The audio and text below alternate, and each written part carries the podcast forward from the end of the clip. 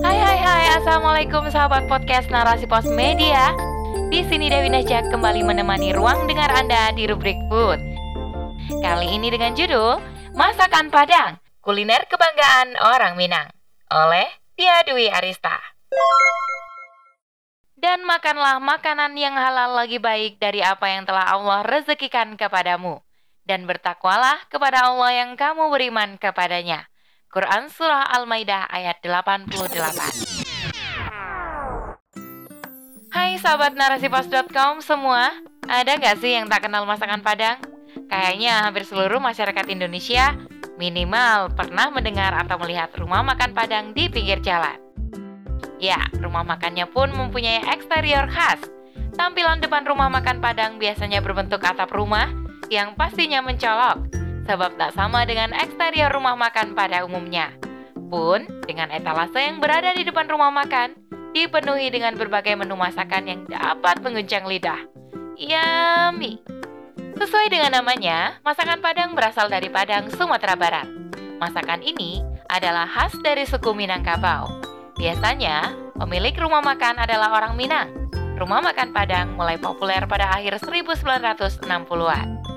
Sejarawan Minangkabau Profesor Gusti Asnan yang mengajar di Fakultas Ilmu Budaya Universitas Andalas mengatakan bahwa penamaan rumah makan tersebut dengan kata Padang adalah bagian dari perubahan identitas.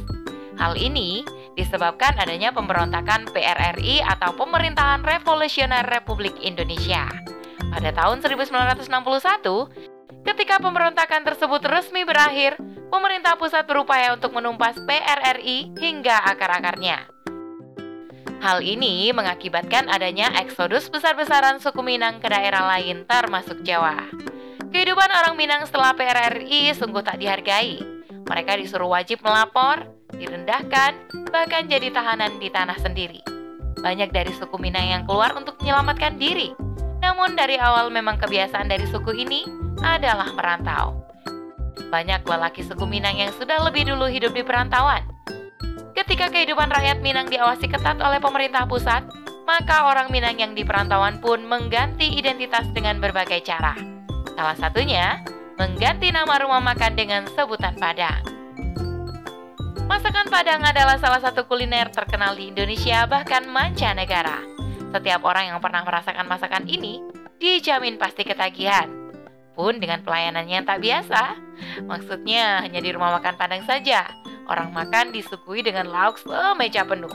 Biasanya di rumah makan atau di restoran lain, pelanggan harus memesan dahulu makanan yang diinginkan. Namun hal itu tak bisa sobat temui di rumah makan Padang ya. Jangan kaget jika tiba-tiba datang pramu saji dengan nampan penuh aneka masakan ditaruh di mejamu. Dan gak usah panik juga, karena kamu hanya akan membayar apa yang kamu makan. Sedangkan yang tidak kamu makan, gratis dipandang. Uniknya nih, jika kamu bawa pulang pesanan kamu akan diberi ekstra nasi. Hal ini merupakan dari sifat kedermawanan orang Minang. Ada beberapa alasan bagi orang Minang untuk melakukan bisnis yang gak berprofit materi. Pertama, solidaritas.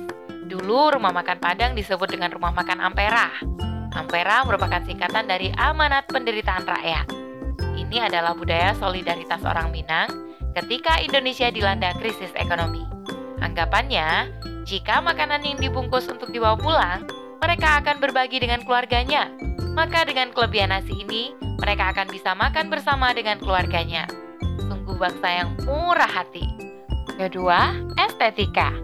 Terdapat sumber yang menyebutkan jika bungkusan makanan ditambahi nasi, akan sedap dipandang mata. Bungkusannya jadi lebih tegak berisi. Ya kan? Ketiga, mengurangi biaya cuci piring. Tahu nggak, kalau kita bawa pulang makanan, maka orang di dapur nggak perlu repot cuci piring. Plus biaya sabun bisa dikurangi.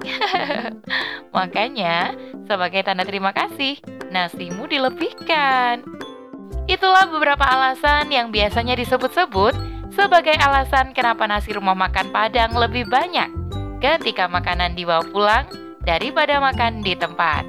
Mau tahu kebenarannya? Mari silakan beli. Nah, sekarang adalah ragam masakan Padang. Masakan Padang itu beraneka ragam.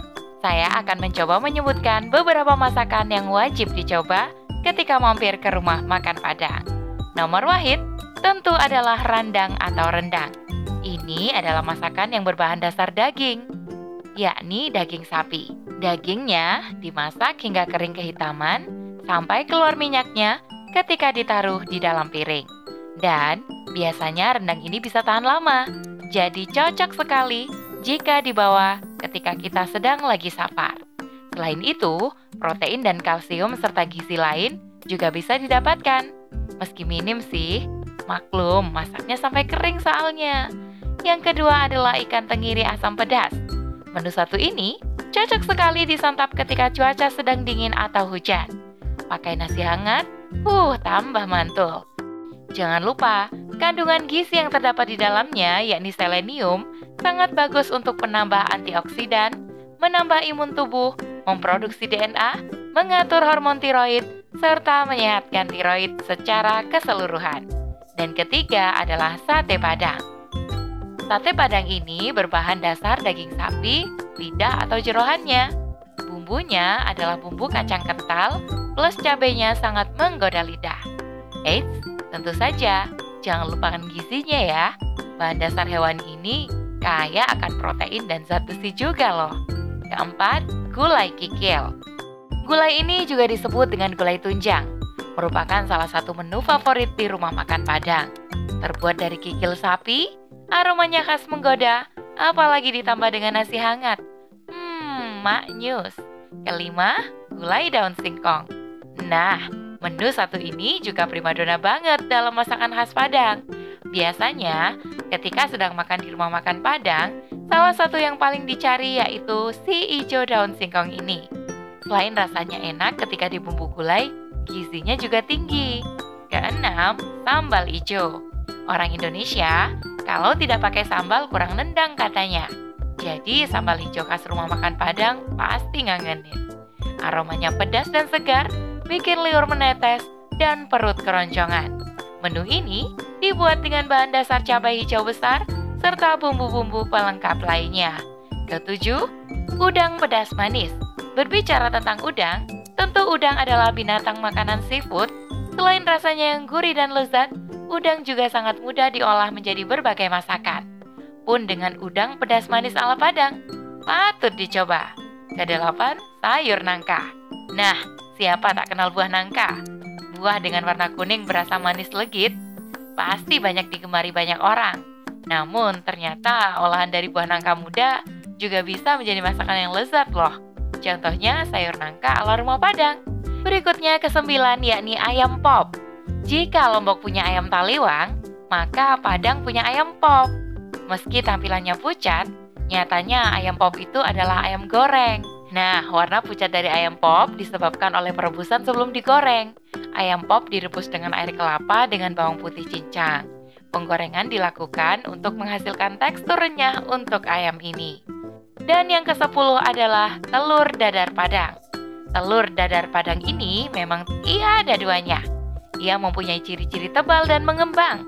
Ketika diiris terlihat banyak isian di dalamnya, seperti bawang putih, bawang merah, bawang bombay, kol, atau bahkan parutan wortel.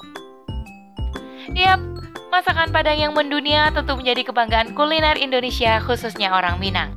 Tak sedikit rumah makan Padang di negara-negara lain seperti Sale Rokito di Melbourne, Upi Jaya di Queens, New York, Sale Minang di Belanda, Padang restoran di Sanlitun, Beijing, warung Padang sejuta rasa di London, dan Pondok Buyung di Sydney. Melihat antusiasme masyarakat baik dalam negeri maupun luar negeri, bukan tak mungkin rumah makan Padang akan terus melebarkan sayapnya ke berbagai belahan benua lain. Dan tentu, masakan ini tak hanya mempopulerkan Minang dan Padang, serta nilai-nilai kehidupannya, namun juga mengenalkan masakan halal pada negara lain. Sebab masakan Padang sudah terkenal akan kehalalannya. Oleh karena itu, suatu kebanggaan bagi orang Minang jika masakan Padang banyak diminati oleh masyarakat. Allah Subhanahu wa taala berfirman dalam surah Al-Maidah ayat 88, "Dan makanlah makanan yang halal lagi baik dari apa yang telah Allah rezekikan kepadamu, dan bertakwalah kepada Allah yang kamu beriman kepadanya." Wallahu a'lam bisawab. Demikian rubrik food kali ini. Sampai bertemu di rubrik food selanjutnya. Saya Dewi Nasjak pamit undur diri. Assalamualaikum warahmatullahi wabarakatuh.